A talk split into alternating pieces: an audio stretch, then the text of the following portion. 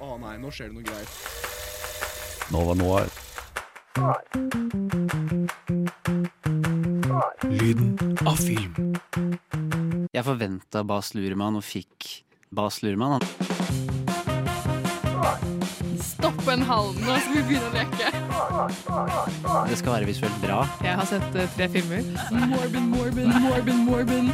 Nova Noir på Radio Nova. Sjangeroverskridende, du vet ikke helt. Postmodernistisk. Vi skal snakke om hvordan De bare satt og diskuterte. Da, da var jeg sånn OK, dette her var litt gøy, men dette er gammelt allerede. Uh, kommentarer på samfunnet og sett siden sist. Jeg har heller ikke sett Taxi Driver. Så Jeg har heller ikke sett Taxi Driver. Nova Noir. Hei, hei, hei. Velkommen tilbake. Du lytter nå til en forhåndsinnspilt utgave av Nova Noir. Fordi vi har nemlig vært i Tromsø på Tromsø internasjonale filmfestival. Og når jeg sier vi, så mener jeg meg selv, Anne, og min fantastiske kollega som sitter rett foran meg nå. Hallo. Vil du, vil du si hva du heter? Det er Hedda. Hei, Hedda. Um, og eh, vi er også veldig heldige å ha med oss en bak spakene i dag. Eh, hva heter du som sitter bak spakene? Hei, jeg heter Johannes. Jeg sitter Hei. bak spakene. Hei. Jeg skal ikke si noe i dag. jo, du skal si litt. Eh, som sagt, så jeg og Hedda har vært i eh, Tromsø, og der har vi sett helt ekstremt mye film. Ugudelige mengder. Ugudelig mengder film. Eh, For å sette det litt i kontekst, så da jeg var i Bergen, så jeg ni filmer. Da jeg var på Oslo Pix, så jeg tolv filmer. Eh, og i Tromsø så, så jeg og Hedda over 21 filmer hver. Eh, ja, det er helt vanvittig mye film. Jeg tror eh, Hedda, du så fem filmer på én dag. På Ja. det meste, tror jeg. Og da startet jeg start, Det var siste dagen, og da startet jeg klokka ni på morgenen. Og var vel ferdig med siste visning rundt tolv. Ja. Og det var inn og ut. Det var veldig lite pauser imellom. Og hvordan vi fikk oss i no, noe mat mellom de, det er et mirakel. Det var veldig mye Burger King på løpen, var det ikke det? det var det. det, var det. Ja. Eh, eh, vi har også eh, med oss et eh, lite intervju eh, med en regissør som har regissert en film som heter 20,000 Species of Bees. Eh, så det er bare å glede seg til den. Og så har vi i tillegg eh, et lite innslag der vi prøvde å desperat intervjue folk i Tromsø og finne ut hva slags film eh, folk i Tromsø eh, liker å se på. Um, og det gikk litt eh, så Skeis. der. Litt skeis. um, ja. Men før det så lurer jeg på hva dere har sett siden sist.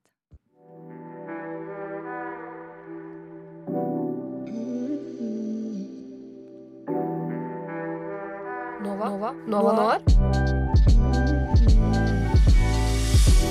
Har du fucka med noen filmer i det siste? Har du fucka med noen filmer i det siste?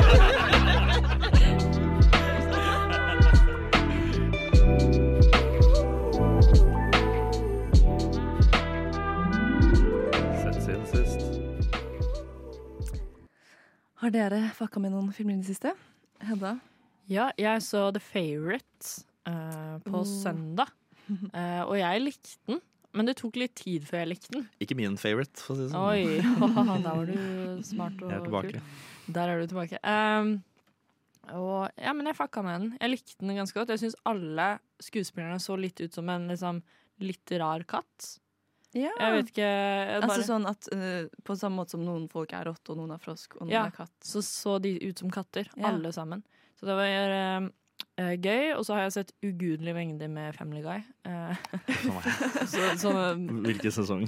Uh, bare de siste, egentlig. Ehm, og det, det har egentlig vært veldig gøy. Og så, dette er jo preprodusert.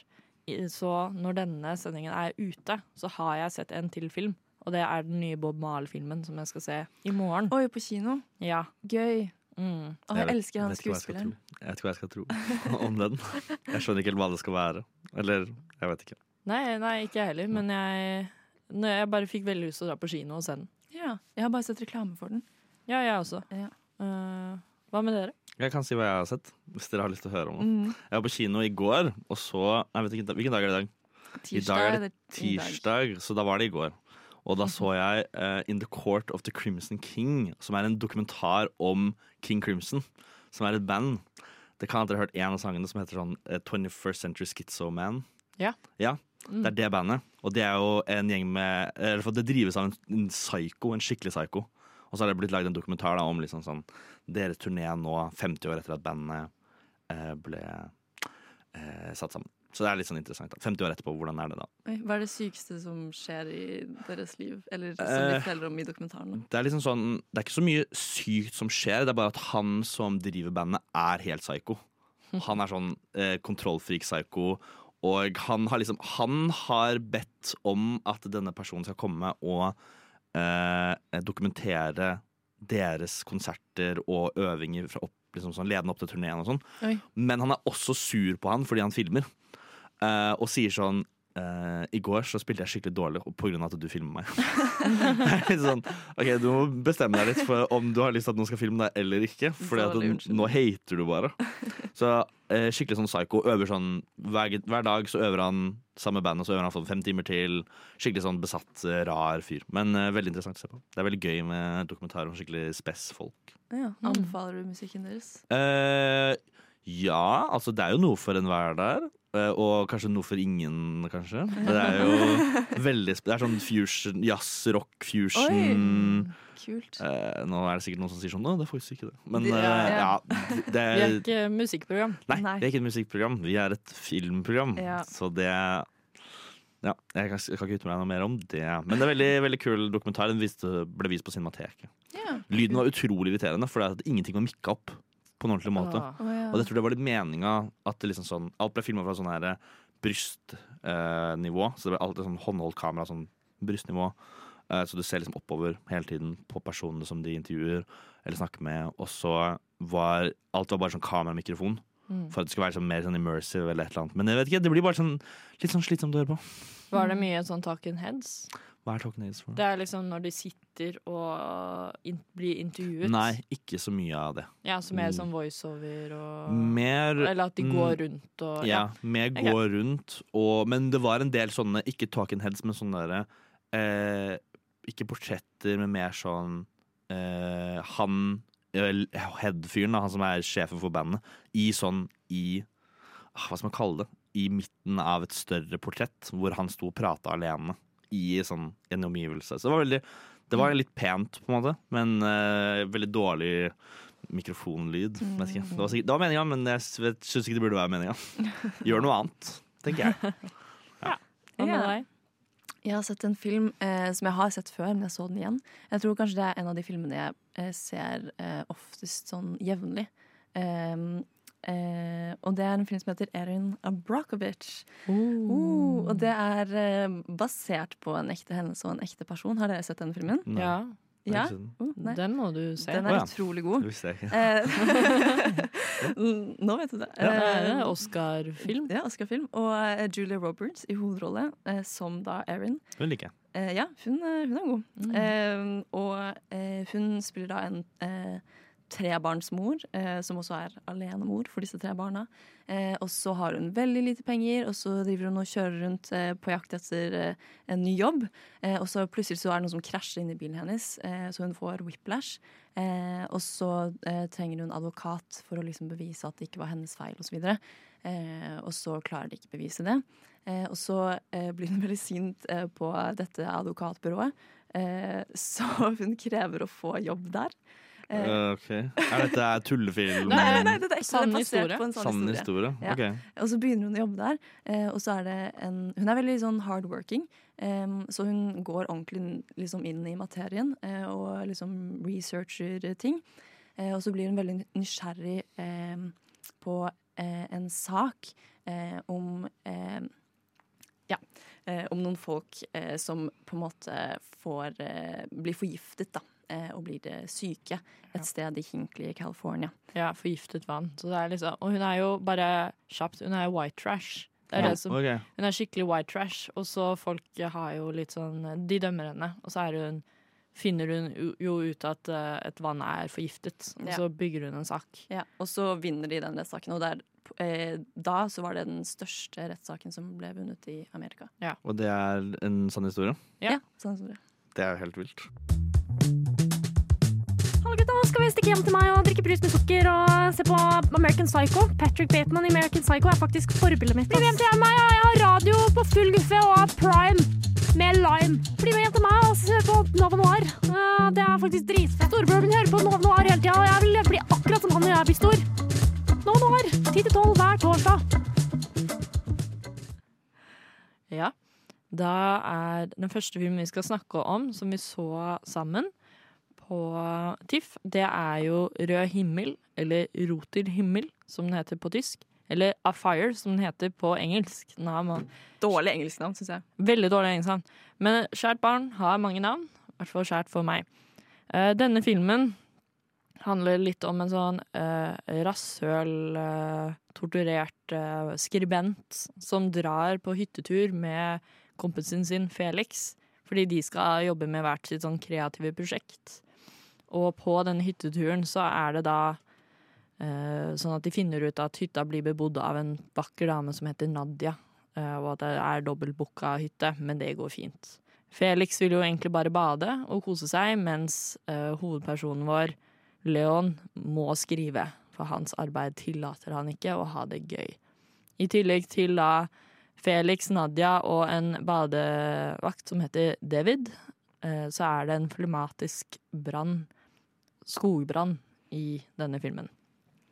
Kan du utdype hva en fle- flegmatisk skogbrann betyr? Det betyr en sånn eh, passiv, men eh, sånn, litt sånn sigende brann. Er, er vel det noe som kommer. Og den er egentlig Den er veldig aktiv, men den er veldig sånn passiv i handling. Ja, men er det, liksom, Betyr det at den er litt sånn symbolsk? på en måte? For det er det jeg har lyst til at det ordet skal bety. Men jeg vet ikke om det stemmer. Det er ikke Nå må jeg gå på For jeg husker ikke akkurat definisjonen av flematisk.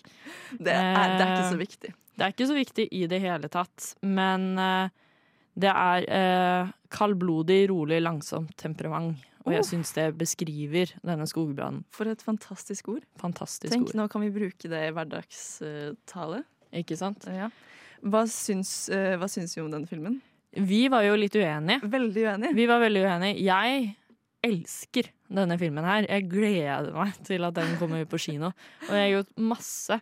Jeg tror vi er litt uenige fordi jeg var egentlig ikke så keen på å se den filmen. Og du var litt keen Ja, på å se den. Jeg hadde, liksom, jeg hadde funnet den frem på programmet, og så syntes jeg liksom bildene så fete ut. Og handlingen også virket litt sånn interessant. Eh, ja, jeg, eh, jeg likte den ikke. Sånn kraftig mislikte denne filmen. Eh, Mislikt er et sterkt ord. jo, men eh, jeg tror kanskje det handler om at eh, jeg ikke brydde meg om noen av karakterene. Og spesielt hoved, hovedpersonen syns jeg var helt uspiselig. Eh, og veldig sånn lat, og han syntes så synd på seg selv. Og ehm, Det var han. 100 ja, ja, ja, Ja, ja. ja. Eh, og han, han, var, han var frekk. Eh, han, var, han var liksom slem mot alle. Og så var han i tillegg kjempedårlig til å skrive. Club Sandwich, som var boka på navnet. Bare, ja, ja. Mm. Men jeg, jeg er enig med alt du sier om eh, Leon. Eh, Og jo mer jeg tenker på filmen i etterkant, så er jeg sånn uff. Hvordan var jeg forelsket i han de første halvtimene av filmen? Skjønner ikke det. Men eh, at du ikke bryr deg om Felix og David, det Jo, men de var jo bare sidekarakterer. Sånn, de var søte, men jeg, liksom, jeg følte ikke at jeg på en måte kom inn i livene deres noe særlig. Nei, kanskje ikke. Jeg, jeg vet ikke, jeg syns fargene var helt fantastiske. Enig. Det var helt, og det var nydelige bilder. Og jeg vet ikke, jeg syns den var litt sånn teatrisk av seg. Det var litt sånn få karakterer. Uh, veldig lite sånn reising. Ja, lange scener med dialog og Ja, sånn. jeg likte dialogene veldig godt. Jeg syns selve filmen var veldig godt skrevet. Mm. Um, jeg skjønner ikke at du ikke liker den. Jeg, blir jeg gråt masse. Uh, jeg tror det var en av de filmene som fikk meg til å gråte mest. Det- Eller nei, det ja. var det ikke, men først var det. 100 um, Jeg tror aldri jeg har sett deg gråte så mye før. Du gråt Ja. gråt eh, Jeg tror vi så den sånn midt på dagen eller starten av dagen. eller noe sånt. Ja, midt Og- på dagen. Ja, og jeg husker ikke om det var den dagen vi lagde lasagne på kvelden, eller noe, men det var sånn kontinuerlig når vi var hjemme i leiligheten på kvelden, at Hedda var sånn 'Å nei, nå tenkte jeg på den igjen!' Og så begynte hun å gråte. Mm. Eh, som var veldig absurd for meg. Eh, og så tror jeg vi snakket om Fordi jeg syns ikke at han skuespilleren eh, var så kjekk. Eh, han hovedkarakteren. Ja. Eh, og det var du helt uenig i. Han er kjempepen. jeg er sjokkert. Eh, ikke, ikke at liksom utseendet eh, er så si. viktig. Det har ikke noe å si. Eh, men jo, altså det du sa om at, eh, at manus er godt skrevet og sånn, jeg er veldig enig, og jeg tror at det egentlig er en ganske godt skrevet film, men jeg tror ikke det hjelper at det er på tysk. Eh, fordi da sitter du på en måte og, og leser og oversettelsen, eller sånn teksten, liksom. Ja. Og så kan jeg på en måte Jeg kan skjønne at sånn OK, eh, dette er godt skrevet. Sånn hvis jeg hørte noen levere dette på en god måte på norsk eller på engelsk eller på et språk jeg liksom skjønner litt bedre, så hadde jeg kanskje ledd. Eh, men jeg, tror, jeg skjønner ikke tonefallet i tysk. Jeg Ja. skjønner ingenting av det. Ja, og vi skal jo videre også snakke om en annen tysk film. eh, og det er jo The Teacher's Lounge, Ja. som eh, vi også kanskje slet litt med å forstå da, på den tyske humor- eller ja. seriøsheten, for det er jo kanskje en sånn kulturell differanse der. Uh, The Teacher's Sound handler om, at, uh, handler om en eh, lærer som heter Carla. Og etter at en av hennes elever blir mistenkt for å stjele, må Carla ta problemene sine i egne hender. Dette setter Carla i krig med skolesystemet, elevene og ikke minst hennes egne moraler. Denne filmen er også eh, nominert til eh, Oscar for eh, Er det fremmedspråklig eller ikke-engelske film? Ja, jeg tror det er fremmedspråklig. Ja. det skjønner jeg ikke. At den er nominert? Ja. Jeg, jeg vet ikke om jeg Ja, på, på en måte Jeg husker at eh, Eller jeg vet at jeg har gitt den fire stjerner på Letterboxd. Og jeg tror, igjen, jeg tror dette er på en måte litt det samme som jeg syns om Rød himmel. At sånn, jeg skjønner at dette er en god eh, laget film. Ja, Eh, jeg, bare, jeg bare skjønner ikke om det er gøy eller seriøst eller hva det er. Ja, for meg så Rød himmel er veldig, veldig seriøst. Men jeg skjønner absolutt ikke om uh, Teachers Lounge var, var ment som en komedie. Og i hvert fall på slutten, husker du det? Når han eleven blir båret ut Ja. på en sånn slags som, som en trone, nesten, Ja. i den stolen av politi. Ja, for det som skjer vel, er litt at på en måte elevene gjør opprør. Eller starter en slags sånn semirevolusjon, Ja. hvor han Oskar på en måte er lederen. Em, så han Oskar, han lille kiden som heter Oskar, og em, fru Novak, eller Carla, eh, Mm. de er på en måte De kriger litt mot hverandre. Ja, og de har jo egentlig vært ganske gode venner. Ja. Det som eh, For vi snakker liksom om hennes egne moraler. For det er jo masse stjeling som skjer, og så legger hun merke til at den stjelingen ikke bare skjer liksom i klasserommet, men at det også skjer i lærerværelset. Mm. Og da tar jo eh, Carla opp uh, Mac, uh, Mac-en sin, det hadde hun kanskje ikke, men hun tar opp PC-en og begynner å filme lærerværelset, og da ser hun jo en skjorte en, som tar penger fra lommen hennes. Mm. Og det viser seg jo til å kanskje være Kanskje, kanskje ikke, det får vi egentlig aldri noe svar på. Eh, moren til Oskar, Oscar, Ja. som også er, jobber eh, som resepsjonist på denne skolen. Og da blir det jo et opptøy av det. For da anklager jo hun ikke bare noen som jobber på skolen, men også moren til favoritteleven hennes. Mm. Ja, og Oscar eh, nekter å tro at liksom, moren hans har stjålet. Eh, og, eh, og han, han tror at, eh, at, eh, at Carla lyver, og så videre. Eh, og så er det veldig mye Elevene blir litt sånn irritert over at de ikke får noe informasjon. Eh, og at det er ingen som snakker med dem direkte og sånn. Eh, Sammen med foreldrene. Ja, foreldrene Ja. også. Em, så det, jeg tror kanskje den kommenterer vel mye på sånne systemer og sånn i, eh, i skolen. Eh, og prosedyrer og så videre, og byråkrati og sånn. som er interessant. Veldig. men jeg husker at sånn førsteinntrykket vårt av den filmen var at vi var skikkelig sinte på karakterene. Og Ja. spesielt på hun Carla. At sånn, alle gjør så mye dumme ting. Det er ingen som lytter til hverandre. Mm. Eller Det er bare dumme valg som blir gjort. Og jeg tror jo det skjer når man går imot moraler, at man gjør dumme valg. Ja. Og spesielt innenfor et dustete skolesystem. Men bare alt var dumt. Sånn jeg ser hun prøver å være moralsk høy, men akkurat nå så outer hun en elev Ja. foran klassen sin. Og det er jo sånn Er du en idiot, på en måte? Ja. Det var det jeg satt veldig mye igjen. Og så, og så eh, lar hun seg også intervjue av, eh, av skoleavisen. Ja. Fordi det er liksom sånn eh, Det går sånn rykter om at det er noe som har videobevis på hvem det er som driver og stjeler. Og så er det hun som sitter med det videobeviset. Og så på en måte forteller hun jo egentlig det meste. Hun, gjør, hun er et ganske dårlig intervjuobjekt i Ja. den eh, skoleavisen. Mm. Eh, og så tror hun liksom at hun skal få lov til å eh, på en måte ja, proofreade det de på en måte legger ut, men det får hun jo selvfølgelig ikke. Eh, og så blir det revolusjon. Og jeg føler at kanskje eh, de som har skrevet denne filmen, eh, startet med det sluttbildet av han lille kiden som blir båret opp av politiet på en sånn eh, høy stol, mens alle liksom elevene står og jubler eh, bak han. Og det er et veldig kult sluttbilde, um, men kanskje en litt kaotisk film som bygger opp til det. Ja, og kaotisk. Vi forstår vel ikke tysk. Det er vel det vi kan konkludere med um, etter å ha sett både Rød himmel og uh, The Teacher's Lounge. Du liker ikke tyske filmer. Det konkluderte vi med. Ja. Ja, Eller kanskje kanskje, alle, men- kanskje jeg må lære meg tysk. Hva hva er den kjekkeste Mats Mikkelsen? Et glass til Mats Mikkelsen. Eldre, deprimerte, alkoholiserte Mats Mikkelsen er min favoritt. Og der er han teknisk sett også pappa. Casino Royal Mats Mikkelsen med arr på øyet. Casino Royal Mats Mikkelsen er deilig, ass. Peller seg litt i sår og sånn. Deilig. Mm, all in. Mm. Men har han navle? nå Noir, torsdag 10 til 12.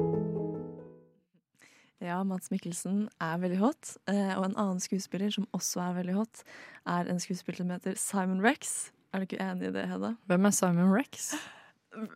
Jeg har ikke et ansikt til det navnet. Jeg har Nei. hørt det, men Det er han som spiller i den filmen som vi skal snakke om nå. Sweet East. Det er han som spiller den gamle, litt creepy fyren. Eh, som jeg tror du har daddy issues. Ja, det han er har jeg helt sikkert.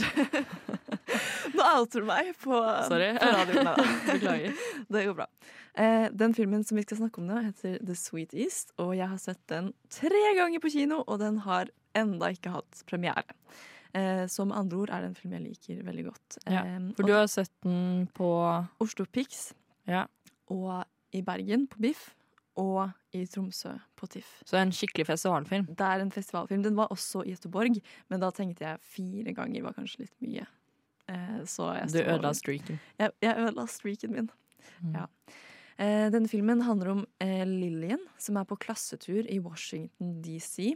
Eh, men så blir klasseturen plutselig avbrutt av en konspirasjonsteoretiker med maskingevær. Eh, og dette er en absurd referanse til noe som heter Pizzagate, som er en ekte ting som skjedde basert på en ekte konspirasjonsteori. Og det er den eh, konspirasjonsteorien som opp, eh, oppsto på 4chan, eh, om at liksom eh, Hillary Clinton og demokratene har en, en pedofilring eh, som de driver eh, i kjelleren på en pizzafabrikk. Eh, og så var det en eh, fyr som liksom hadde lyst til å finne ut av det og dra og redde de eh, potensielle barna der nede. Så han tok med seg et maskingevær og begynte å skyte der. Men han skjøt bare sånn opp i lufta for å liksom skremme. Eh, så det var ingen som døde eller ble skadet, men han havnet i fengsel. Ja. Eh, og det, ja, dette eksempelet forklarer veldig godt hva denne filmen gjør. Fordi det som skjer da, er at Lillian blir dratt eh, av en eh, slags, slags eh, fre, en fremmed punker som drar henne med i en hemmelig dør inn i liksom noen tunneler inn i kjelleren i det pizzastedet som de er på. Med barneleker. Og så er det masse barneleker der, og så sier han punkeren sånn Å, herregud, dette stedet ser skikkelig annerledes ut fra da jeg var barn. Eh, så den er kjempeabsurd, veldig morsom, veldig skarp satire. Eh, veldig mye tabu. Eh, og jeg føler at den på en måte handler eh, litt om sånn eh, tap av uskyld for eh, Lillian som ung kvinne, men også for liksom Amerika. Eh, sånn vi, hun på en måte det er en slags sånn Alice in Wonderland. Hun drar ut på masse forskjellige eventyr, eh, men så eh, blir hun aldri et sted veldig lenge. Hun på en måte løper alltid videre. Så hun eh, møter masse nynazister i skogen plutselig, eh, og blir med en av de eh, hjem. Og så stjeler hun masse penger fra han, og så eh, blir hun oppdaget som skuespiller og drar liksom eh, til New York og blir berømt. Um, ja, så det er masse absurd, deilig, spennende som skjer her. Og i tillegg, dette vil kanskje du snakke litt om, Hedda. Det er jo en slags musikkvideo som plutselig bare skjer i starten av den filmen her. Åh, ja, verdens vakreste musikkvideo. Mm -hmm. uh, og det er bare hun som ser inn i speilet, som viser seg å være en dør til dette uh, sånn kjelleren da, med barneleker. Eh, men da ser hun bare igjen eh, Hun bryter den fjerde veggen og ser inn, og så synger hun 'I'm a cat'. Eh, og jeg blir jo da Greia var at jeg hadde egentlig ikke tenkt å se denne filmen heller. Og så sier Anne nei, den må du se. Den skal du se. Og jeg blir med. Og så sitter jeg der, og hun begynner å synge, og så tenker jeg nå har Anne lurt meg på en musikal. Eh, og jeg ble litt sur før jeg aksepterte faten og var sånn ah, den var litt fett. Og så var det jo absolutt ikke det som var filmen heller. Mhm. Eh, den er jo sjangerskiftende fra ende til annen, men også ikke, for den holder seg jo på en måte i bare en sånn satire, absurditet Psykose. Psykose som jeg også vil kalle det. Ja. Det, jeg vet ikke om jeg nevnte det, eh, men jeg nevnte det kanskje at det er eh, regi og cinematograf er eh, Sean Price Williams. Som, dette er hans regidebut, men han har vært cinematograf på Mm. Good Time, blant annet. Ja, han er jo også en tidligere punker, da. ja. Jeg hadde egentlig ikke så lyst til å like denne filmen, fordi du hadde snakka den så sykt opp. Men jeg elsket den. Mhm. Uh, men jeg slet veldig mye med det uh, jeg så, etter jeg hadde sett den. Så var jeg sånn, jeg vet ikke helt hva jeg syns. Og så var jeg sånn, å vet du hva, den er bra. Og jo mer jeg tenker på den, jo mer bare er sånn, jeg absolutt elsker den. Det eneste som jeg slet veldig mye med uh, i den filmen, er at hun går Hun drar jo liksom først i Washington, og så liker jeg meg der. Og så blir hun tatt videre til punkerne, og så liker jeg meg ikke så godt der. Og så er jeg sånn, ja, men jeg vil tilbake igjen. Og så drar hun til det naziststedet, og så merkelig nok så liker jeg meg litt der. Ja. Um, og så drar hun til New York, uh, og så liker jeg meg ikke så godt der. At hun, liksom, hun reiser så mye, og så liker jeg meg Når jeg liksom blir komfortabel med der vi er, Mm. så skal hun reise. Ja. Det var det jeg også slet med første gang jeg så den. At det var liksom sånn eh, Det gikk så veldig fort videre. Ja. Eh, og det, det skal vi også nå, for nå skal vi snakke om en film som heter Scrapper. Uh. Uh. eh, denne filmen eh, er regissert av en dame som heter Charlotte Reagan. Eh, dette er også en engelskspråklig film, men den er britisk. Eh, og den eh, handler om en tolv år gammel jente som heter Georgie, eh, som bor alene i en leilighet i, i England. Fordi moren hennes har nylig gått bort. Og denne filmen bruker veldig mange veldig kule grep for å fortelle en historie om, eh, om et barn som har mistet en forelder. Veldig mye Eh, mixed media. Ja, veldig mye mixed media. Eh, og veldig sånn originalt. Jeg føler at eh, det er kanskje tidenes mest uoriginale historie, egentlig. Sånn alle hovedkarakterer har mistet minst én nær familiemedlem. På en måte, Jeg føler at det er nesten sånn krav for å ha en karakter i en film, omtrent. Men den introduserer tematikken på en veldig kul måte. Vi ser liksom tolv år gamle Georgie vaske og rydde denne leiligheten, og så har hun en sånn liste som henger på veggen med liksom de fem stadiene av sorg, og så oh, ja. bare krysser hun av for sånn mm, eh, bargaining. Ja. Hun krysser på en Post-It-lapp også, Ja. så hun er sånn Ja, nå er jeg ferdig med den, og så krysser hun av. Det er det beste jeg har sett av liksom eh, Som en representasjon av sorg Ja. i film, så syns jeg det er kanskje den mest morsomste måten å vise liksom eh, Og på en måte så er det vel mer denial Ja, fortsatt. det er det. Så jeg syns den er veldig god, da. Ja. eh, der. Um, den var veldig bra, Mm.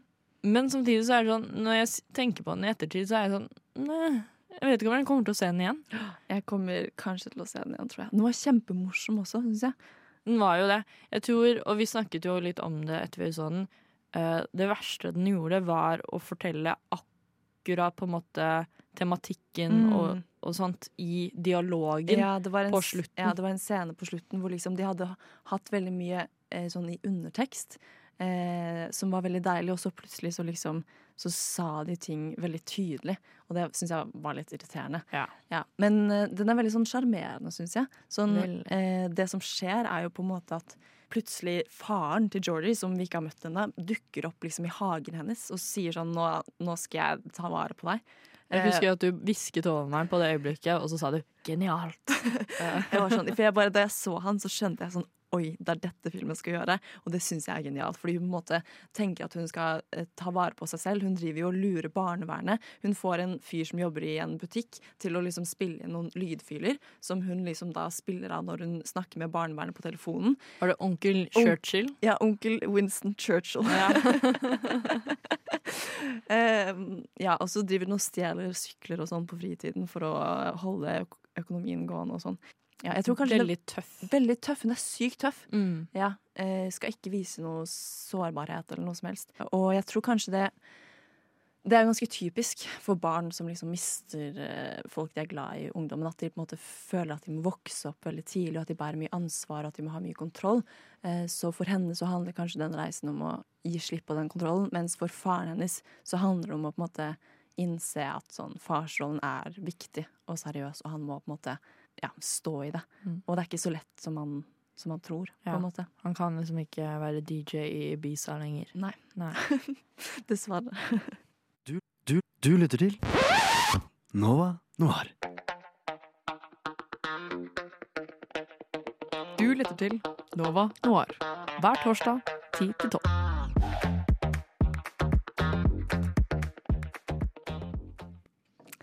Nå eh, skal vi snart få høre intervjuet som vi eh, gjorde med regissøren av 20,000 Species of Bees. Eh, og før det intervjuet så burde vi kanskje snakke litt om hva eh, den filmen handler om, så man på en måte har litt kontekst og skjønner eh, ja, Hva, hva hun preiker om. Eh, så denne filmen handler om åtte Det er en spansk film, kan kanskje begynne med å si. Ja, det var den Eh, første filmen vi så Ja, også. det var den første filmen vi så, og den var en del av eh, konkurranse, altså hovedkonkurranseprogrammet på, eh, på TIFF. Eh, filmen handler om åtte år eh, gamle Lucia, eh, og hun vokser opp i en eh, familie i eh, Spania, og hun er trans. Hun, eh, hun er veldig sånn uredd i, identiteten sin, og vennene hennes og sånn også aksepterer henne og stiller ikke så mye spørsmål rundt liksom, hva slags klær hun vil ha på seg, og at hun vil ha langt hår osv. Eh, mens eh, visse familiemedlemmer i familien hennes eh, ikke er så klare for det. da. Ja. For det er vel sånn at de drar eh, til det det Baskerlandet, som det heter på norsk. The, the Basque Country, som eh, regissøren er fra. Mm. eh, for sommeren og bor hos en sånn grandtante. Eh, eller eh, jo, bestemor. Hun bor hos Mm. bestemor. Og under den da sommerferien så er det vel da eh, Lucia finner ut at hun er ikke en gutt allikevel, og eks, eh, utforsker eh, identiteten sin, da. Mm. Hun har jo langt hår fra før av, og det i seg selv blir jo litt negativt sett av eh, bestemor, for eksempel, og andre Ja. familiemedlem, tante og Ja, og moren hennes er egentlig på en måte litt mer åpen for det, men hun er, hun er veldig redd for liksom eh, det samfunnet rundt, hva de Mm. mener. Og mm, altså, eh, morens mor igjen er jo kjempekritisk, mens eh, grandtanten hennes Ja. eh, er mer åpen for det, og grandtanten hennes eh, driver en biefarm, som på en måte blir litt sånn stort og symbolsk for hele filmen. Eh, og også veldig vakkert, fordi eh, første gangen hun sier navnet sitt, Lucia, eh, det hvisker hun liksom til de biene. Ja. Mm. Eh, og så er det en veldig sånn vakker sir sirkelkomposisjon i filmen, fordi den starter med at hun ligger i sengen ved siden av moren sin, og så hvisker hun til moren sin 'er du våken?' Eh, så er moren ikke våken. Men på slutten av filmen så ligger hele familien og sover etter en sånn stor fest hvor hun har rømt, og så har de eh, ropt navnet hennes, og så har Ja, de funnet det nye igjen. det nye navnet hennes. Eh, og da ser vi, og alle vet at moren er våken, men så spør hun igjen er du våken? Og så vet vi på en måte sånn at det, denne gangen så betyr det på en måte noe annet. Det betyr litt mer sånn aksepterer du meg? på en måte. Mm. Eh, veldig rørende film. Og nå kan vi bare spille av intervjuet, kanskje? Uh, I'm standing here with uh, Hedda, and would you like to introduce yourself? Yes, I am Estíbaliz Urresola, uh, the writer and director of uh, 20,000 Species of Bees, which is taking part here in the Tromsø International Film Festival. So uh, we saw the movie yesterday, and we both really loved it. It was very um, moving, and um, it is inspired uh, sort of by a true story. Um, do you want to talk about that story and sort of uh, the inspiration and how maybe it was to work with such a sensitive subject? Yeah, actually, it wasn't uh, inspired uh, in a real story, but th- uh, a real story made me approach the association Okay. where I met all these families uh, dealing with this uh, situation uh, with their kids. Uh, in 2018, a trans teenager, 16 years old, called Ekai, committed suicide in the Basque Country, and he left a letter saying uh, that he was making this decision to bring some light and visibilization to the to the reality uh, of trans kids and teenagers. Because perhaps I think that uh, we were very used to talk about trans adults, no, uh, trans identities in the adulthood, but uh, not that much in the childhood. And I think that from this moment on, it happened something in the Basque country that became kind of a awakening, a collective awakening around the topic, which wasn't named at, at all uh, Oh, before. No, It wasn't spoken about. no. Oh. It's like if uh, trans identity wo- would be just something related to a decision that you make when you are Mm. adult or something like Mm. that. Uh, I don't know how to explain, but we couldn't even imagine that uh, there would be like uh, four years old Yeah. kids already expressing themselves in a way different Yeah. Even from the- vocalizing it. yeah, that is. So this is what made me. This event is what made me uh, get in contact with the association. I started a huge uh, interview process with uh, around 30 families uh, with kids uh, between 4 and 12 but i didn't want to go upper because then teenage uh, the teenage stage is quite different Yeah. so with all these interviews, I tried to um, to find the common elements, the common situations, the common reflections, doubts, com- moments uh, they were referring to, and with them is that I made that I started uh, writing what is uh, what the path of the main character Lucia. Yeah. Uh, what has been for you the greatest part of getting to tell this story? Like the most challenging, you Uh, well, uh, maybe uh, the most challenging, but also like the best, most like uh, giving part of it. the most challenging has been to keep this quite choral perspective in the film Mm. and to balance the the weight of each character but especially this relationship between mother and daughter because um, one of, of the most important ideas that I got from these interviews from the parents uh, was that they weren't the kids the ones that made it a transition, but the whole family was Yes. the one making a, a transition. And this is something that I, I found really interesting. Also, they were saying, many of those families were saying that going uh, through this process had been a positive uh, experience for the whole family because it made them start looking to each other in a new way, hearing and listening to the other in a new way. So that finally brought them or lead them to a stronger uh, bonds and Uh, yeah. A stronger connection with each other. connection to each other. Yeah.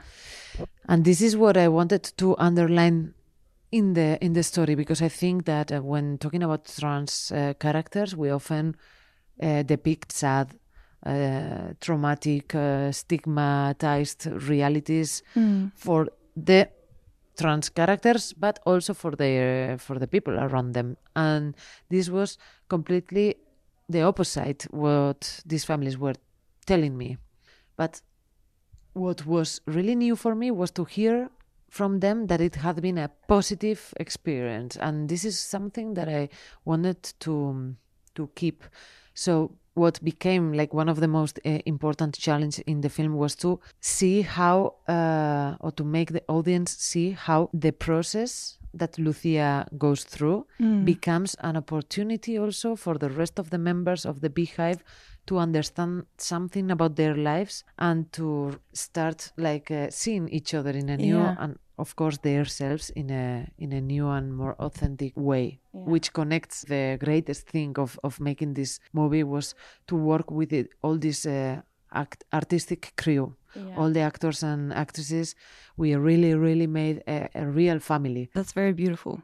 And uh, also hearing you talking about this, I just want to uh, add very quickly that like the movie is very like symbolic. There's a lot of symbolism in it uh, that was very striking and kind of emotional with the like uh, beehive and the family, and also the ending uh, scene where she asks her mother if she's awake, even though we know she's awake.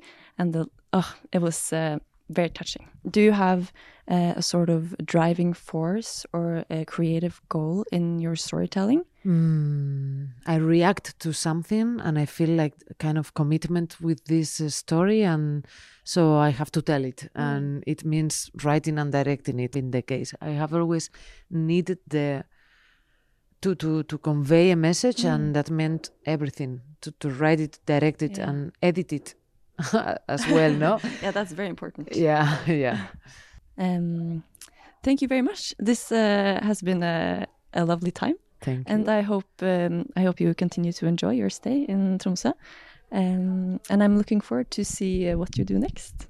Thank you very much for your for coming to the scene, to the film festival, of course, to the film, and for inviting me. Jeg gleder meg så sykt til å komme fram til hytta. Ja, det blir sykt gøy, ass. Jeg Ja, gleder- det er rett der oppe, faktisk. Jeg ser det nå. Wow! Skal dere virkelig opp dit? Du vet at eh, radioen funka ikke der oppe. Dere får ikke hørt på Nova Noir.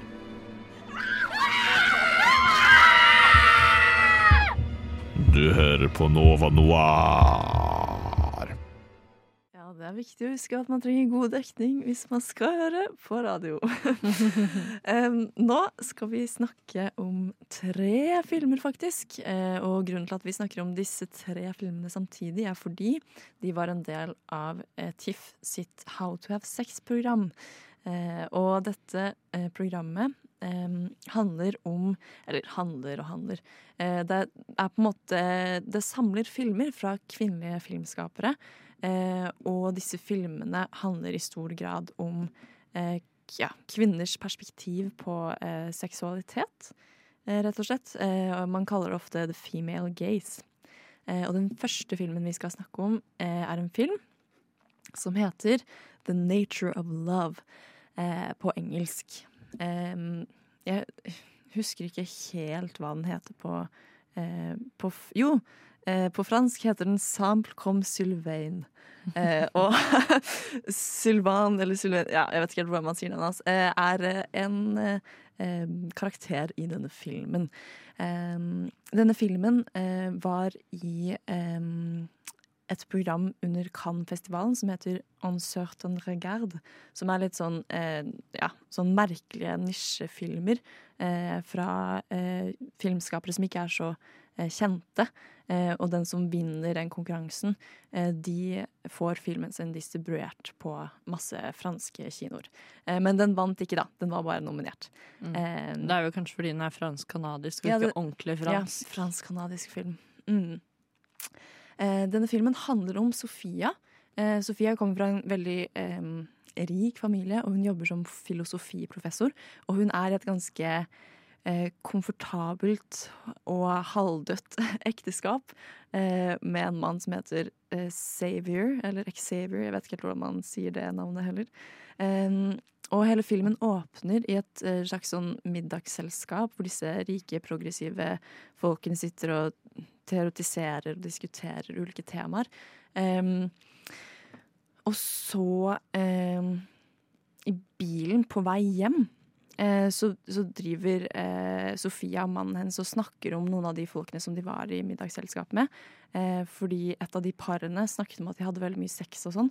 Eh, men så krangler de også veldig mye med hverandre, og så sier man sånn Ja, vet du hva, jeg vil heller ha et sexløst ekteskap som er litt mer fredelig, der vi ikke krangler så mye. Og det sier veldig mye eh, om statusen på ekteskapet deres. De er jo mest venner, egentlig. Jeg Ja. tror også på starten, hvis jeg ikke husker helt feil, at de liksom har separate soverom også. Ja, de har uh, forskjellige senger og Ja. soverom. ja. Uh, og så skal Sofia uh, videre til et sånn weekend house som de har kjøpt seg, som de må renovere. Og der så møter hun Sylvain, eller Sylvain, jeg vet ikke. Blusher du nå når du tenker på han? Litt. Eh, jeg må skaffe meg en lumberjack. Uh, Nei da. Uh, han, er, eh, ja, han er en slags eh, lumberjack. Jeg tror ikke Jeg vet ikke helt. Eh, en ja, en contractor. Contractor. Ja. Ja. eh, Arbeidsmann. arbeidsmann. Eh, og han bare roaster huset hennes, egentlig. Han bare sier alt som er galt, eh, og alt som må fikses, og det er veldig, veldig mye. Og hun blir kjempestressa. Eh, og så eh, får han henne til å skrike høyt, eh, sånn at hun får litt eh, utløp for, eh, for stresset sitt. Og så tar han henne med på en sånn pub, sånn at hun kan bli kjent med de lokale eh, folkene som bor ved huset deres. Og så en ting leder til en annen ting, eh, og så ligger de med hverandre. Og Det starter vel en ny gnist, Ja, en, en en, affære. en ny gnist. Det jeg syns er veldig kult med denne filmen, er at den på en måte går fra en veldig sånn eh, seriøs eh, Ja, ikke så seriøs kanskje, men eh, hva skal man si? En sånn ja, en, seri en sånn seriøs film. Ja, typisk dramafilm. Til veldig sånn såpe. Såpeopera. Og nesten litt sånn halvveis sånn en dårlig porno, på en måte. Veldig. Veldig. Um, Vi var jo veldig uenige. vi var men kjempeuenige. Du syns ikke den var så morsom? Jeg hadde verdens verste uh, kinoopplevelse, for dette har aldri skjedd meg. Men det var flere ganger hvor hele salen lo sånn ufattelig mye, og jeg bare satt der. Og var sånn Det var ikke gøy. Jeg syns, jeg syns ikke det var morsomt. Så når jeg ser humoren, det var ikke morsomt. Men- Jeg, jeg, og jeg sitter fortsatt igjen med Jeg syns det var øh, Den var øh, Den var fin i seg selv, og den snakket veldig mye om klasseskille. Fordi de ender jo opp med å bli litt sånn kjærester. Uh, og han er jo litt sånn white trash. Uh, og hun er jo ikke det. Så det handler jo litt sånn om klassekonflikter og kan de være sammen for de er så ulike. Ja. Det er veldig fint. Det likte jeg veldig godt. Men den humoren, det var sånn Jeg syns det var en wine moms våte drøm, hele filmen. Og eh, Nei, men oppriktig. Eh, og eh, humoren var akkurat det samme. Nei, nei, Jo, nei, hva jo, mener du? jo. Det var kjempegøy!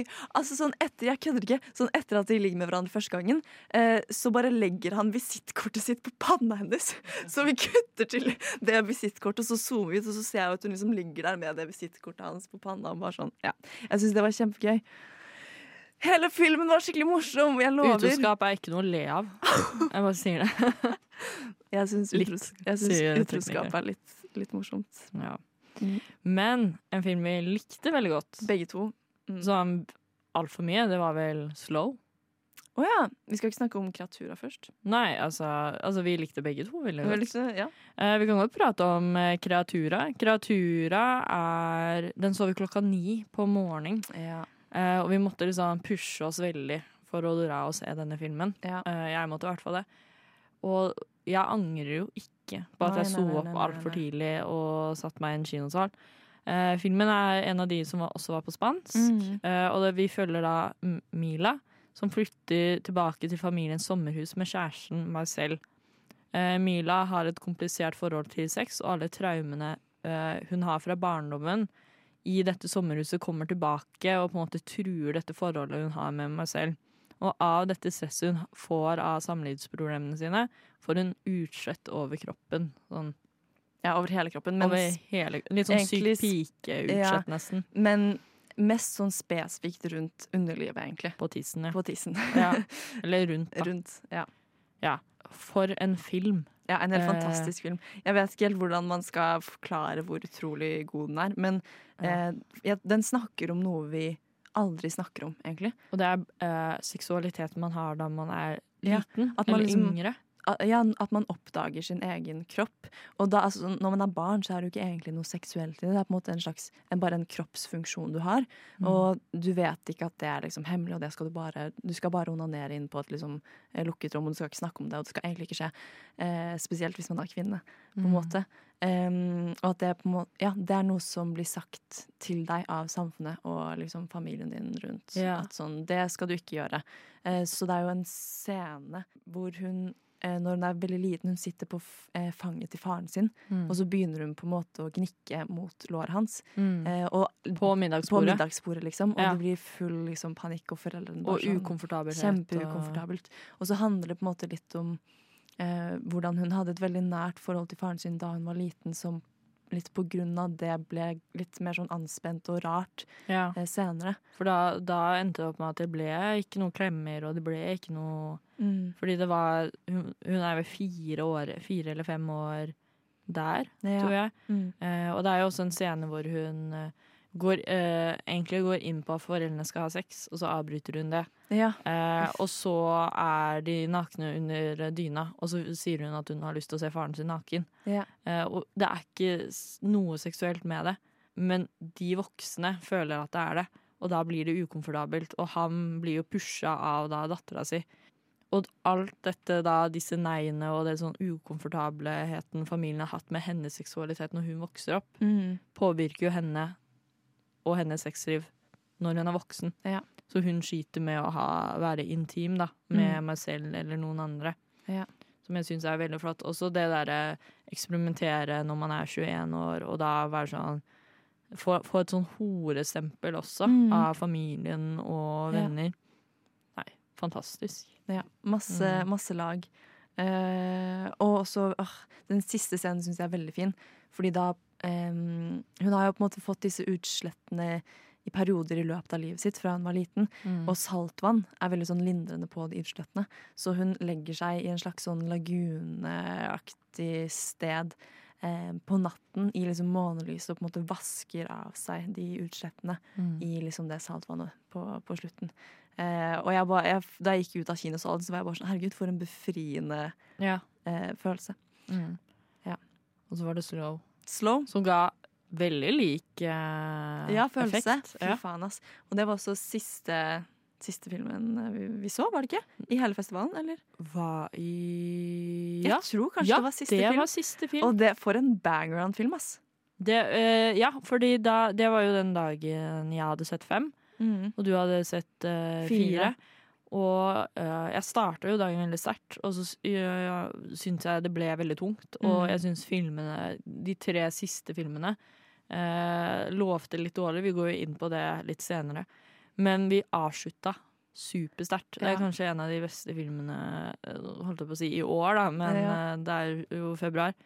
Men vil du introdusere Slow for oss? Ja, det kan jeg gjøre. Det er en litauensk lit, Ja, lituensk film. En film fra Litauen.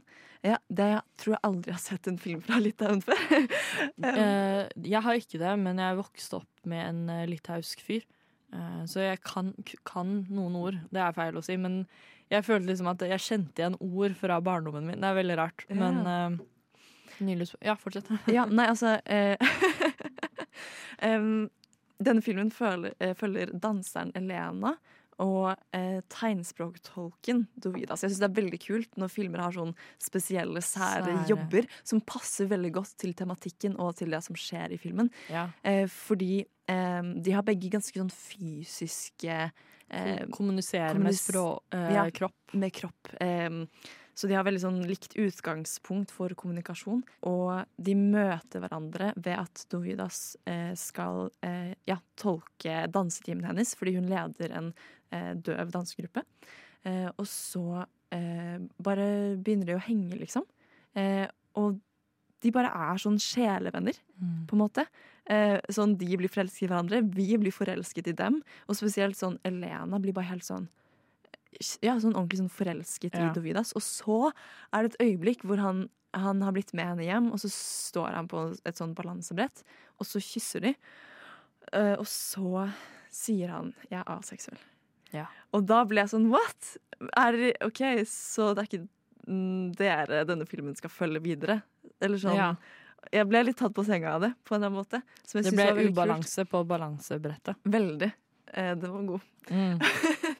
Ehm, ja, og, og så må de på en måte finne et eget sånn språk, eller en egen form for intimitet, for at kjærligheten deres skal overleve. Og det klarer de, Mm. liksom, eller sånn til en viss grad, da. Det er litt eh, Du vil kanskje fortelle om den ene eh, sexscenen der, de- der hvor han prøver å ha sex med henne. Ehm, Ja, med den snorkingen. ja, Ja. mens eksen Eh, ja, for eh, hun Etter hun finner ut at Dovida er aseksuell, så går hun jo til en gammel eks eh, Mm. og ligger med han. Eh, og de er jo ikke sammen. Så det er, jo, det er jo greit, på en Ja. måte, men det er jo som et resultat. Eh, og så blir det jo mer og mer seriøst med Dovida, og hun har ikke noe kontakt med eksen. Og så kommer eksen hjem til henne når Dovida er på besøk og er drita full og erklærer kjærligheten sin. Ja, og Dovida han er jo ikke liksom sjalu, han har ikke noe særlig sjalusi, så han har egentlig litt sånn forståelse og oppmuntring til at sånn, Ja. men hvis du vil ligge med noen, så kan du jo på en måte det. Ja, og litt sånn eh, Ja, la han sove over, da. Han Ja. er altfor full til Ja, å komme seg hjem. Ja. Så han sover jo og snorker i sofaen. Dette er jo også et etterrom, så sofaen er Ja, ja. overfor senga. Ja. Og da på et punkt så skjer noe med Dovida, hvor han må eh, på en måte tøffe seg litt. Mm. Og på en måte prøver å ligge med henne mens eksen er i rommet. Um, men eh, jeg syns dette var en genial film. I hvert fall med litt som du gikk inn på med eh, jobbene deres. At liksom eh, Jobben deres handler jo om å kommunisere med kropp. Mm. Eh, og sex er jo på en måte litt det. Og det er det ene tingen de ikke kan gjøre, Mm. eller ikke gjør i forholdet deres, er å kommunisere med kropp. Noe som er så naturlig for dem. Mm. De gjør det litt i den nydelige speildansescenen Ja. på den baren som vi elsker. Ja. Uh, De, liksom, de på en måte har en samtale med hverandre, men uten ord. Ja. De, de liksom på en måte beveger Nesten som en slags sånn improvisert dans. ja, Ja. veldig. Veldig nydelig. Og de er så søte! Og det virker som et veldig sånn sunt forhold. Og de har Veldig. har altså sånn, Jeg, jeg syns det var litt hot å se, selv om det ikke var noe særlig sex i den filmen. Så var det, De hadde så utrolig god intimitet liksom, med hverandre. En Veldig sånn skjørhet. Mm. Ja. ja. Kanskje en av de beste filmene vi så. Ja. Anbefaler å se den.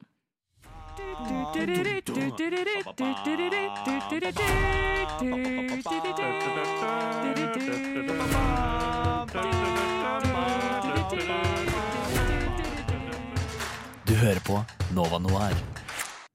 Eh, nå skal vi snakke om uh, to filmer vi har sett. Den ene var en film vi likte veldig godt, og en annen film var kanskje en film vi ikke var så glad i. Uh, da skal jeg presentere den filmen vi likte veldig godt, og en annen kjendis vi kommer inn på det senere, kanskje også likte veldig godt. Mm. Og det er Humanist Vampire Seeking Consenting Suicidal Person. Banger-navn. Banger-navn. Og det var jo liksom Vi titta jo på programmet, og så så vi tittelen, og vi bare sånn Den! Den skal vi se. Eh, og klokka ti på en torsdag. Eh, filmen handler om en vampyr med navn Sasha som sliter med å drepe. Hun bor hjemme hos hennes vampyrforeldre, som jakter for henne.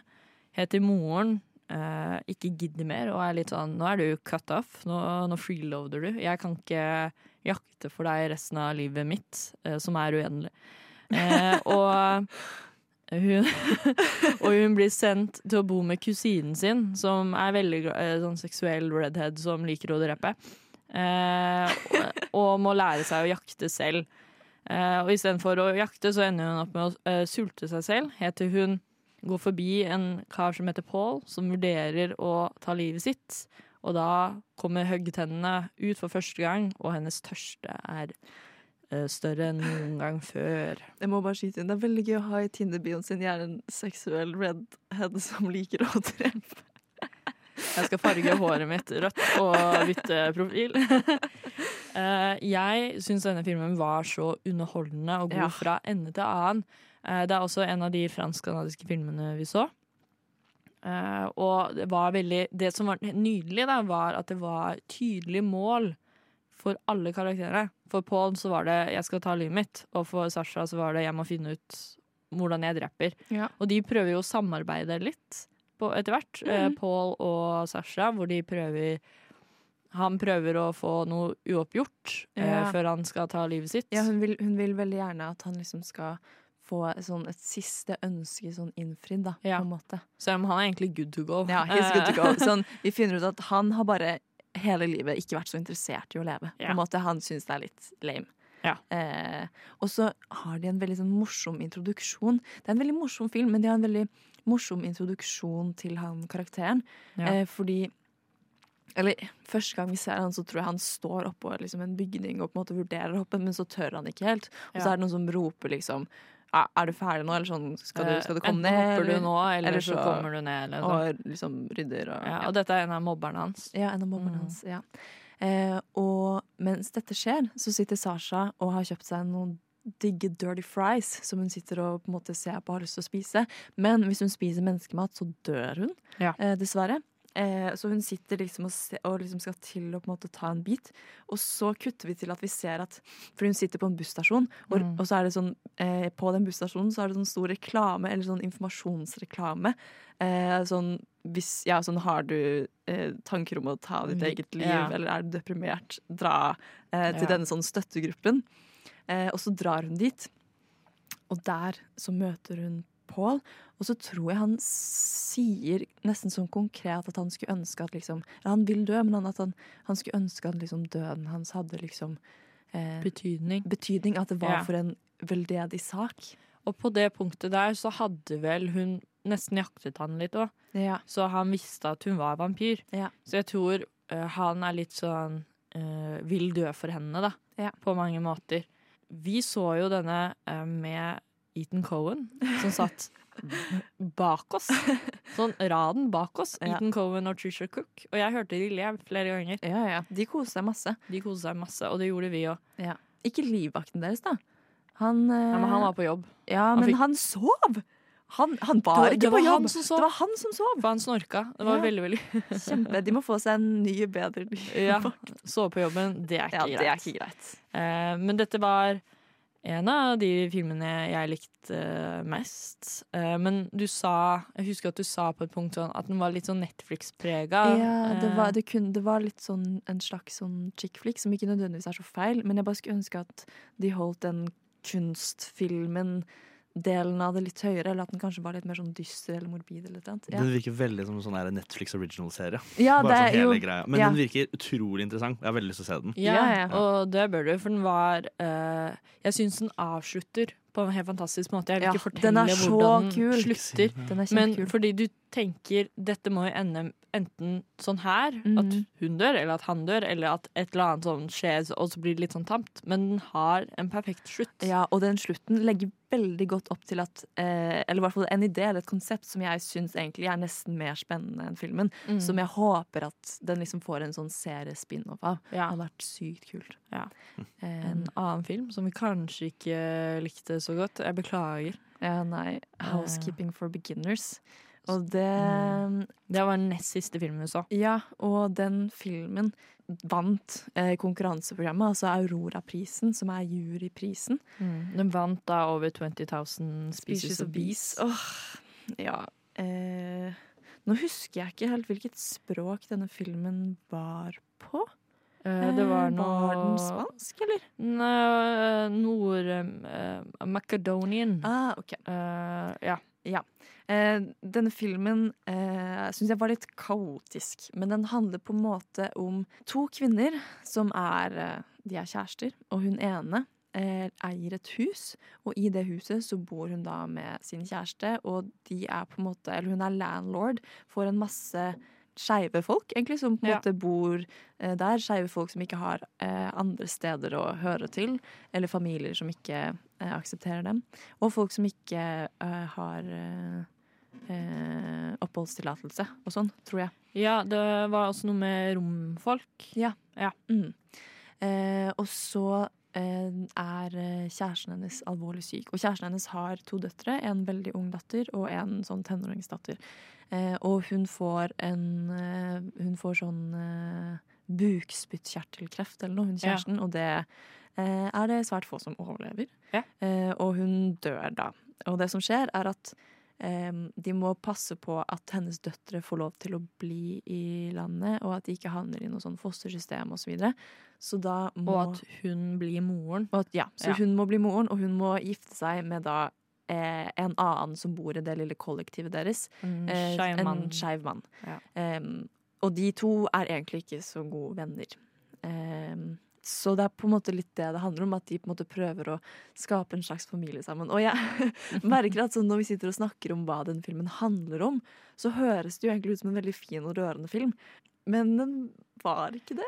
Den, uh, uh, på min letterbox så skrev jeg uh, et dikt, og det var dårlig første akt, litt bedre andre akt og god tredje akt. Oi, var tredje akten god?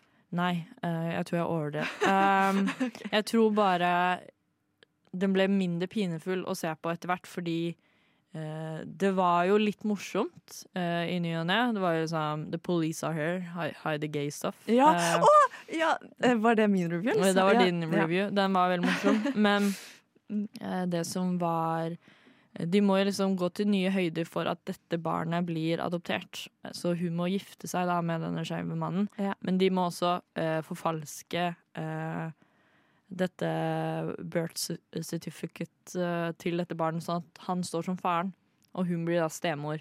Ja, nei, vet du hva, når jeg tenker på det, jeg blir, jeg blir sint. Jeg, jeg likte ikke den filmen. Det, jeg tror at uh, problemet var at karakterene de var ikke noe uh, sympatiske. var-. Ja, så var det Messi. Det var bare, Ja, veldig messy. mm, Veldig Messi. Det var tre skeive folk. Ja, Altfor mange historier som skjedde samtidig. Ja, for jeg skjønte ikke hvem de var, Ja. og de bare var der. Og bare var skeive. Og så skjønte jeg ikke om de tre var sammen, eller om de var søsken, eller hva, Ja. hva det var. Men det er sånn det er å være filmfestival. Plutselig så må man se en dårlig film. In a world that's powered by violence. In a world without gas. In a world where owning a radio was strictly forbidden.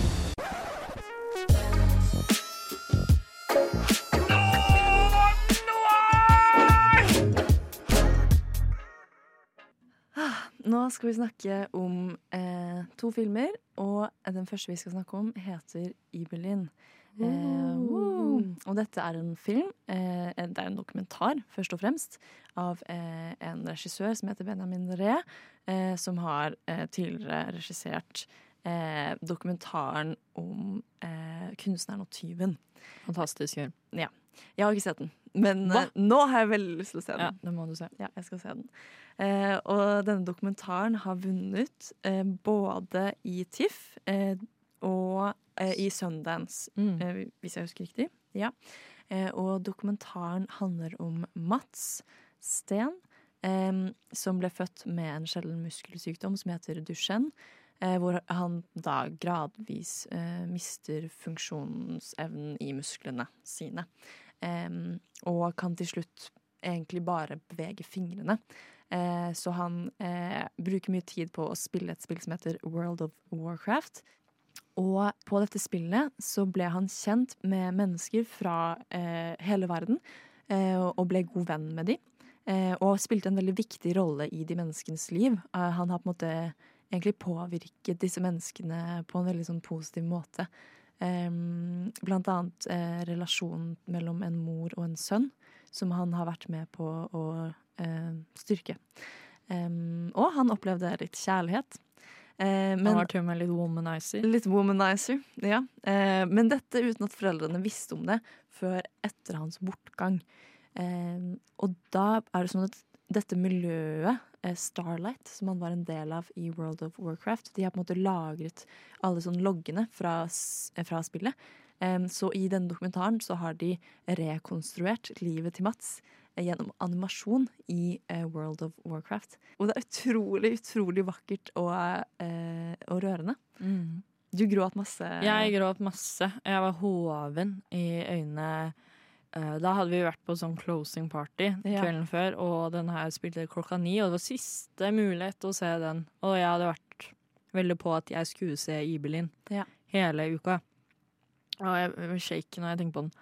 Eh, den er jo, var jo kjempefantastisk. Det var jo hylgråting i salen, og det var ikke meg. Jeg lover. Um, ja, hvor er det man skal begynne? Uh, det er jo Jeg liker jo veldig godt Benjamin Ree. Jeg har jo sett 'Kunstneren og tyven' tre ganger på kino. Ja, det er liksom min sweetest. Um, og eh, jeg gledet meg masse til Ibelin, og ble jo ikke noe skuffet Nei, i det hele tatt. Uh, det eneste jeg husker at jeg reagerte veldig på, var uh, De uh, har jo animasjoner av spillet, Mm. og de har også voiceover veldig mye.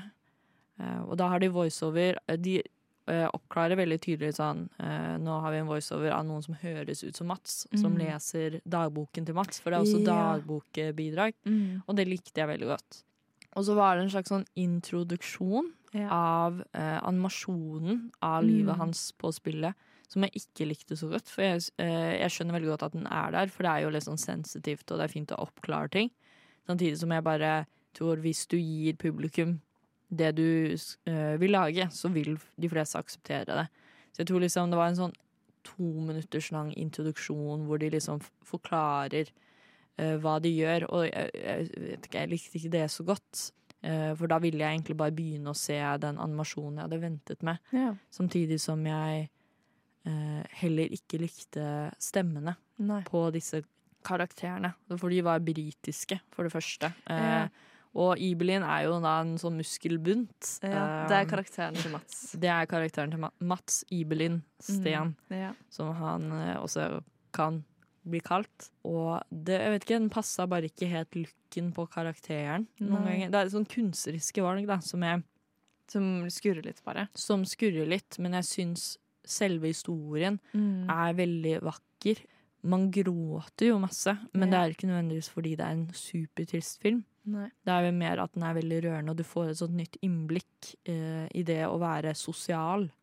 For hvis man ser på det fra et utsidesperspektiv, en mann i rullestol som bor i kjelleren og Mm. spiller World of Warcraft, virker ikke som mest sosiale menneske. Nei. Og så er det tvert imot. Mm. Um, hva syns du? Du så jo denne jeg ikke på Ibelin. Nei, nei. ikke på TIFF. Du så jo denne på, i Gøteborg. Ja, jeg så den i Gøteborg. Og jeg likte den veldig godt. Eh, eh, I Gøteborg så lo folk masse og gråt. Og så så Mm. jeg den igjen på Troll i eske på Cinemateket nå nylig med min lillesøster. Og, og der var folk litt mer sånn forsiktige i hvordan de uttrykte seg og re reagerte. Ja, de det, lo ikke så mye. det la jeg merke til på TIFF også. Ja, Det de lo var lo ikke så mye? Uh, ja, eller det var latter, men det var uh, forsiktig latter på starten. ja. Og så etter hvert så lo man mer. Ja. Ja. Uh, nei, jeg, jeg syns den var fantastisk. Veldig godt laget. Veldig liksom, smart måte å fortelle en historie på. En uh, film som vi ikke likte så godt, kanskje, er en film som heter The Holdovers. Ja. Eh, det er jo også uh, både startfilmen og avslutningsfilmen på TIFF. Og det er en julefilm i januar. Hvorfor, kan man lure. Filmen handler jo om en gretten lærer som blir tvunget til å tilbringe juleferien på den internatskolen han jobber på, for å passe på de utagerende guttene som ikke skal hjem til jul. I løpet av jul, øh, juleferien mykner hans hjerte av stein opp, og han knytter et veldig spesielt bånd med den ene gutten og kantinedama på skolen. ja, jeg syns Ja. den var veldig kjedelig. Veldig lang. eh, Ikke så Veldig treig. Ja. Hva syns du, Johannes? Du Den er veldig lang. Det er vel, ja. Ja. Jeg syns det er mer eller mindre det eneste som gjør gærent. Det gjør ikke så mye annet gærent. Nei. Jeg syns er humoren er feil. Jeg syns Eh, humoren er helt OK. Humoren er for meg sitcom-humor, eh, Mm, som litt. er morsomt, eh, og da tilhører den ikke det formatet den er i. En som er julefilm, dramafilm, eh, jeg vet ikke. Ja. Jeg syns den er litt sjangerforvridd uten at den vet det. Jeg syns den har litt slapstick-humor, og jeg liker ikke slapstick-humor. Sånn er Ja. at man slår seg, er ikke så gøy. Det morsomste du sa, var peniskreft. Ja, Ja. du er peniskreft i menneskeform. Ja. Ja. Ja. Ja. Nei, det er en veldig veldig, veldig OK film. Skikkelig OK. Ja, det er det. Ja. Han er nominert til Oscar, han hovedrollen. Ja. Faktisk. Oi. Mannlige det, han, god skuespiller. Han Paul Hva heter han? Paul Mi- Miotelli Mi- Miak... mm, Ja, det er noe Nå spør du godt. Spør bra. Eh, Paul Mia Miano. Nei, Eh, jeg vet ikke Så rart at, Jeg visste ikke at den var i Tromsø. Det er, jeg synes ikke Ja, det er en sånn og det generell, det er ikke sånn vanlig filmfestival filmfestivalfilm. Nei, nei, nei. Og det var en sånn uh, åpnings-avslutningsfilm. Så det Ja, var en av sånn ok. hovedfilmene. Kjempemerkelig. Men den hadde jo veldig mye sånn buzz. Giamatti. Hype. Giamatti er det. Det er Giamatti. Men folk eh, sammenligner veldig med sånn her Dead Poet Society og sånne ting. Men jeg synes ikke det egentlig Det er bare sånn Det eneste som er likt med de, er at de går på internatskole, på en Jo, måte. men det handler jo også om sånn unge tapte sjeler da, som får veiledning fra liksom, Mm. lærerne sine. da. Eh, det er jo et par eh, skolegutter, elever, eh, på starten som etter hvert drar. Ja. Og da er det jo bare én igjen. Eh, og når, men når de alle er der, da får jeg veldig Dead Poet Society. For da er det liksom en gruppe med gutter som ikke vet noe bedre, og så er det da uh, ikke Robin Williams, men Giamatti da, som er uh, sjefen. Ja. Men ja, nei. Du slår ikke Robbie Williams. Du gjør ikke det. Sorry. Um, Føler ikke det var helt like roller heller, da. Nei, Nei. veldig Nei. ulik. Han var mer ja. For det er jo på en måte The Post Society møter Christmas Carol. Han er med Scrooge.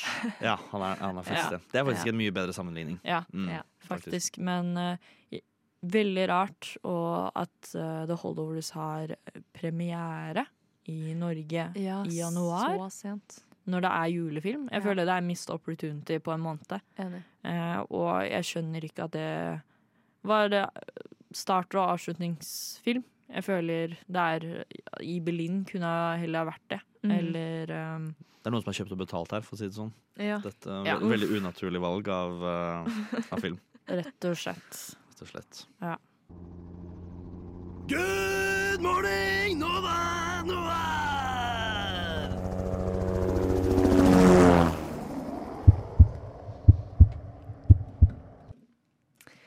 Jeg gruer meg litt eh, til å høre det vi eh, skal få høre nå. Jeg har ikke klippet dette innslaget selv. Jeg har fått Johannes til å gjøre det Nei, jeg har klippet dette innslaget. for meg. Eh, så jeg er veldig spent til å høre. Eh, jeg husker ikke alt som skjedde, eh, men jeg ser på det litt som et slags traume. Og jeg husker at det var veldig kaotisk, og jeg tenkte at jeg skulle prøve å ja, male et litt visuelt eh, bilde for dere. Fordi vi, jeg og Hedda prøvde å intervjue folk i eh, Tromsø. Fem på gata. Ja, eh, Fem på gata. Og jeg følte meg eh, ekstremt eh, innpåsliten og aggressiv og uønsket i Tromsøs gater da jeg prøvde å gjennomføre disse intervjuene. Eh, så bare forestill dere, mens dere hører, eh, at jeg har en to meter lang arm med en mikrofon på enden som jeg dytter opp i folks ansikt. Ehm, ja, og så føler jeg bare sånn jeg, har, jeg er litt paranoid. Jeg føler at jeg kanskje fikk litt overtenning et par ganger, og at jeg liksom sånn stakk mikrofonen sånn I nesa. In, ja, i nesa eller sånn i munnen på dem. At de på en måte må hoppe sånn bakover for å ikke spise eh, mikrofonen. Jeg vil bare si til Eh, ditt forsvar at det er veldig vanskelig En ting som er veldig undervurdert som når man intervjuer folk, som er veldig vanskelig, som jeg ikke tror er vanskelig, det er å gi mikrofonen til den andre personen etter at du har stilt et spørsmål. Og time det er kjempevanskelig. Ja. Ja, for folk bare begynner å svare litt sånn med en gang, og så er det sånn mm. ja, du må få med alt, liksom. Og stakkars Hedda måtte jo prøve å justere lydnivåene underveis mens jeg drev og skrek og hoiet og herjet på. Eh, Ja, det var vel egentlig mer litt sånn skummelt, for du vet jo ikke hva, hva slags stemme de fremmede har. Nei, det er sant. Og liksom lydnivået der. Men Skal vi bare rive av plasteret, eller? Uh, ja, kan jeg bare si at I går så fikk jeg disse lydfilene. Og så Ja. var jeg litt sånn, fikk jeg sånn eh, Nå kan du uh, klippe disse intervjuene. og så var jeg sånn OK, jeg hørte gjennom de, og så var det kanskje ikke sånn veldig mange intervjuer. Så det ble en litt annen Det ble mer sånn her, sånn her er det å prøve å intervjue noen i yeah. Tromsø, kanskje. Ja, i hvert fall. Nå får dere høre. Anne og Hedda fra Nova Noir har vært på filmfestival i Tromsø. Mens de var der, prøvde de å intervjue den lokale befolkningen om hva de syns om TIFF, Tromsøs internasjonale filmfestival. Men det ble kanskje ikke akkurat som de først tenkte.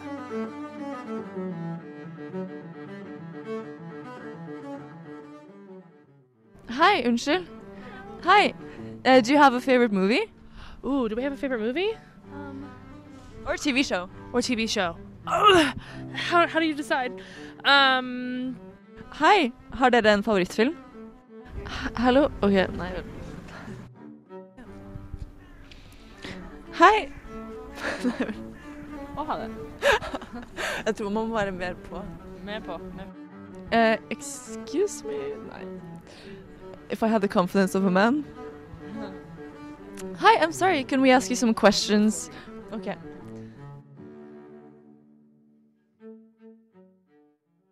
Excuse me? Uh, can we ask you some questions for uh, Radio Nova? Sure. Yeah. Um, we're wondering if you have uh, been to the film festival in uh, Tromsø. Oh, I didn't even know there was one. Okay. uh, have you seen any good movies lately? Uh, no, I haven't been to a movie since before the pandemic. vi er her på siste dagen. Jeg trodde Tromsø Jeg trodde Tromsø-folk var litt mer sånn joviale. Praktisk talt løpt mellom Vi kunne planlagt bedre. Turfolk eh, mellom de visningene. Vi må finne Jeg føler Det er ikke noen som ser ut som filmbros her. Så flaut for meg. Festivaldeltakerne har jo dratt hjem enten i går kveld eller i dag tidlig. Så vi har ikke hatt så innmari mye tid. Sånn 21 filmer hver. Eh, fordi vi har lett etter ricotta eh, på matbutikken i Tromsø, men vi har ikke funnet ricotta. Eh, vi lurer på om, eh, om du har vært her på eh, filmfestivalen. Hei, unnskyld. Kunne vi stilt deg et par spørsmål for eh, Radio Nova? Jeg trenger rejection therapy. Eh, kult. Sånn, jeg har mikrofonen, ikke du. Det er sant. Tenk hvis konklusjonen er sånn Tromsø har ikke sett noe. Kanskje konklusjonen er på en måte at de i Tromsø ikke bryr seg så mye om TIFF.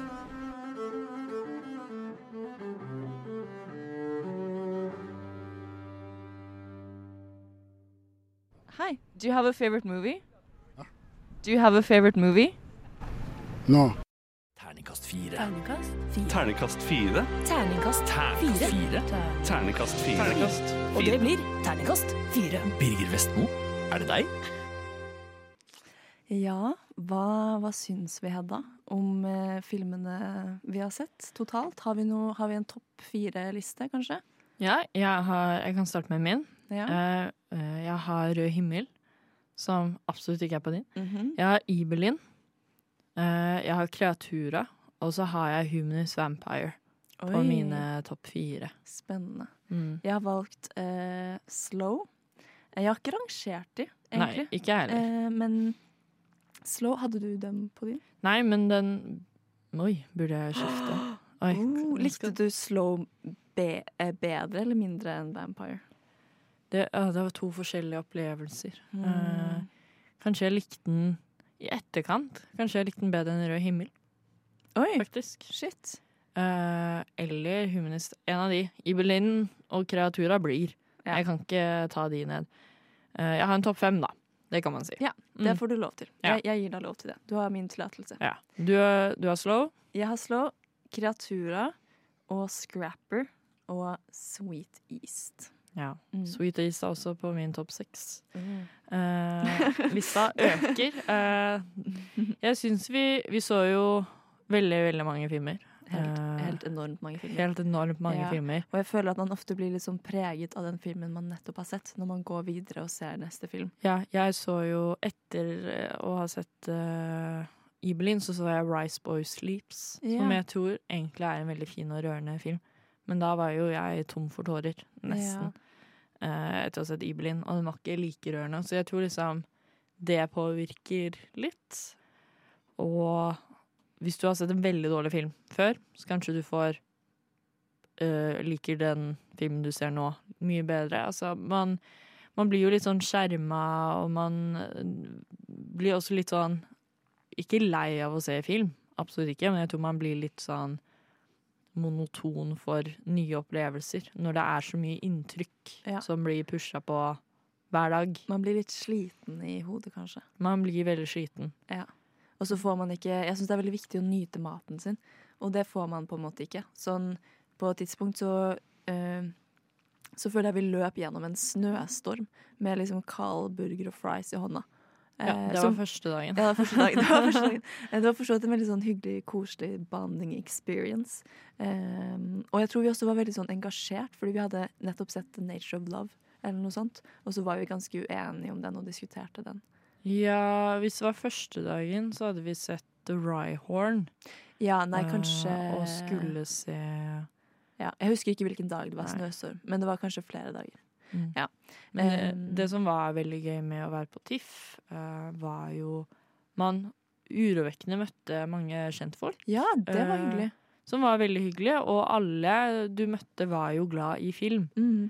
Eh, og man kunne også være på Burger King, og så hører du en gammel dame snakke om at hun elsket Forever Forever, og så tenker du for en gjøk. Hun har aldri vært på Wattpad, siden hun eh, liker den filmen der. Det var en helt forferdelig film. Det er egentlig den verste filmen vi så. Det er den verste filmen vi så. er en film som heter Forever Forever, som var en del av How to Have Sex-programmet. Eh, Det var en film fra Ukraina. Eh, Hva var det som skjedde i den filmen? Det var en eh, det, Jeg hadde ikke blitt overrasket hvis det var liksom basert på en Wattpad-bok. Liksom. Ja, det var en sånn Wattpad-plott med en jente som kommer i trekantdrama med to bestekompiser, og så uh, har hun en voldelig eks, og så, ja. You know. You know it, liksom. But, ja, det, jeg, eh, jeg orker ikke. Um, Det var kanskje en liten, en liten avsporing. Uh, Det var det. Ja, jeg vet ikke Hvis man eh, skal kanskje tenke at det var noe sånn overordnet sånn tema for filmene vi så, så Jeg vet ikke. Kjærlighet. Det. det var, det var mye kjærlighet. Mye kjærlighet. Mye kjærlighetshistorie. Ibelin er jo en kjærlighetshistorie, og Scrapper er jo på en måte det. Alltid How to have sex føler jeg er kjærlighet og sex på noe annet, da. Ja. Jeg syns også både The- Nature of Love og Slow Det gjorde et grep, eh, begge filmene, på hver sin måte som var ganske likt. Hvor liksom eh, I The Nature of Love så er hun hovedkarakteren. Hun er jo sånn filosofiprofessor. Og hun snakker veldig mye om sånn Platon og eh, Platons tanker om kjærlighet. Så hun har liksom tre undervisningstimer som vi får se på, og da snakker hun liksom om på en måte kjærligheten, ulike stadier. Og spesielt eh, Jeg tror det er derfor den heter The Nature of Love på engelsk, for hun snakker om at sånn The nature of love is desire, Mm. and uh, the nature of desire is longing. Som på en måte betyr at sånn eh, Noe du ikke kan få, da. Mens i, i Slow eh, så er det han tegnspråktolken. Han står liksom og eh, oversetter noen eh, sanger som handler om kjærlighet, i liksom tre ulike deler. Så liksom forelskelsen og kjærligheten, og så eh, bruddet, da, på slutten. Ja. Fantastisk. Jeg, eh, jeg er forelsket i eh, filmfestival. Ja. Jeg, dette var min første filmfestival. Eh, Jeg har jo vært litt på Pix før, men ikke som en festivalgåer. Og jeg har veldig lyst til å dra på TIFF neste år òg, tenker jeg. Eh, Da tror jeg at jeg ikke skal se 21 filmer. Nei. Eh, det kan være lurt. Ja. Og kanskje vi drar litt flere folk neste gang også. Så kan Ja. vi fordele litt mer. Og ta med ricottaen i bagasjen. Ja. Og når du hører Ta med ricottaen i bagasjen. Ja. Når du hører denne eh, sendingen eh, på torsdag, eh, så ligger det en nettsak ute på radionova.no. Eh, der vi snakker litt eh, mer om de filmene vi anbefaler. Eh, så det er bare å gå inn og lese det, og så ses vi neste torsdag.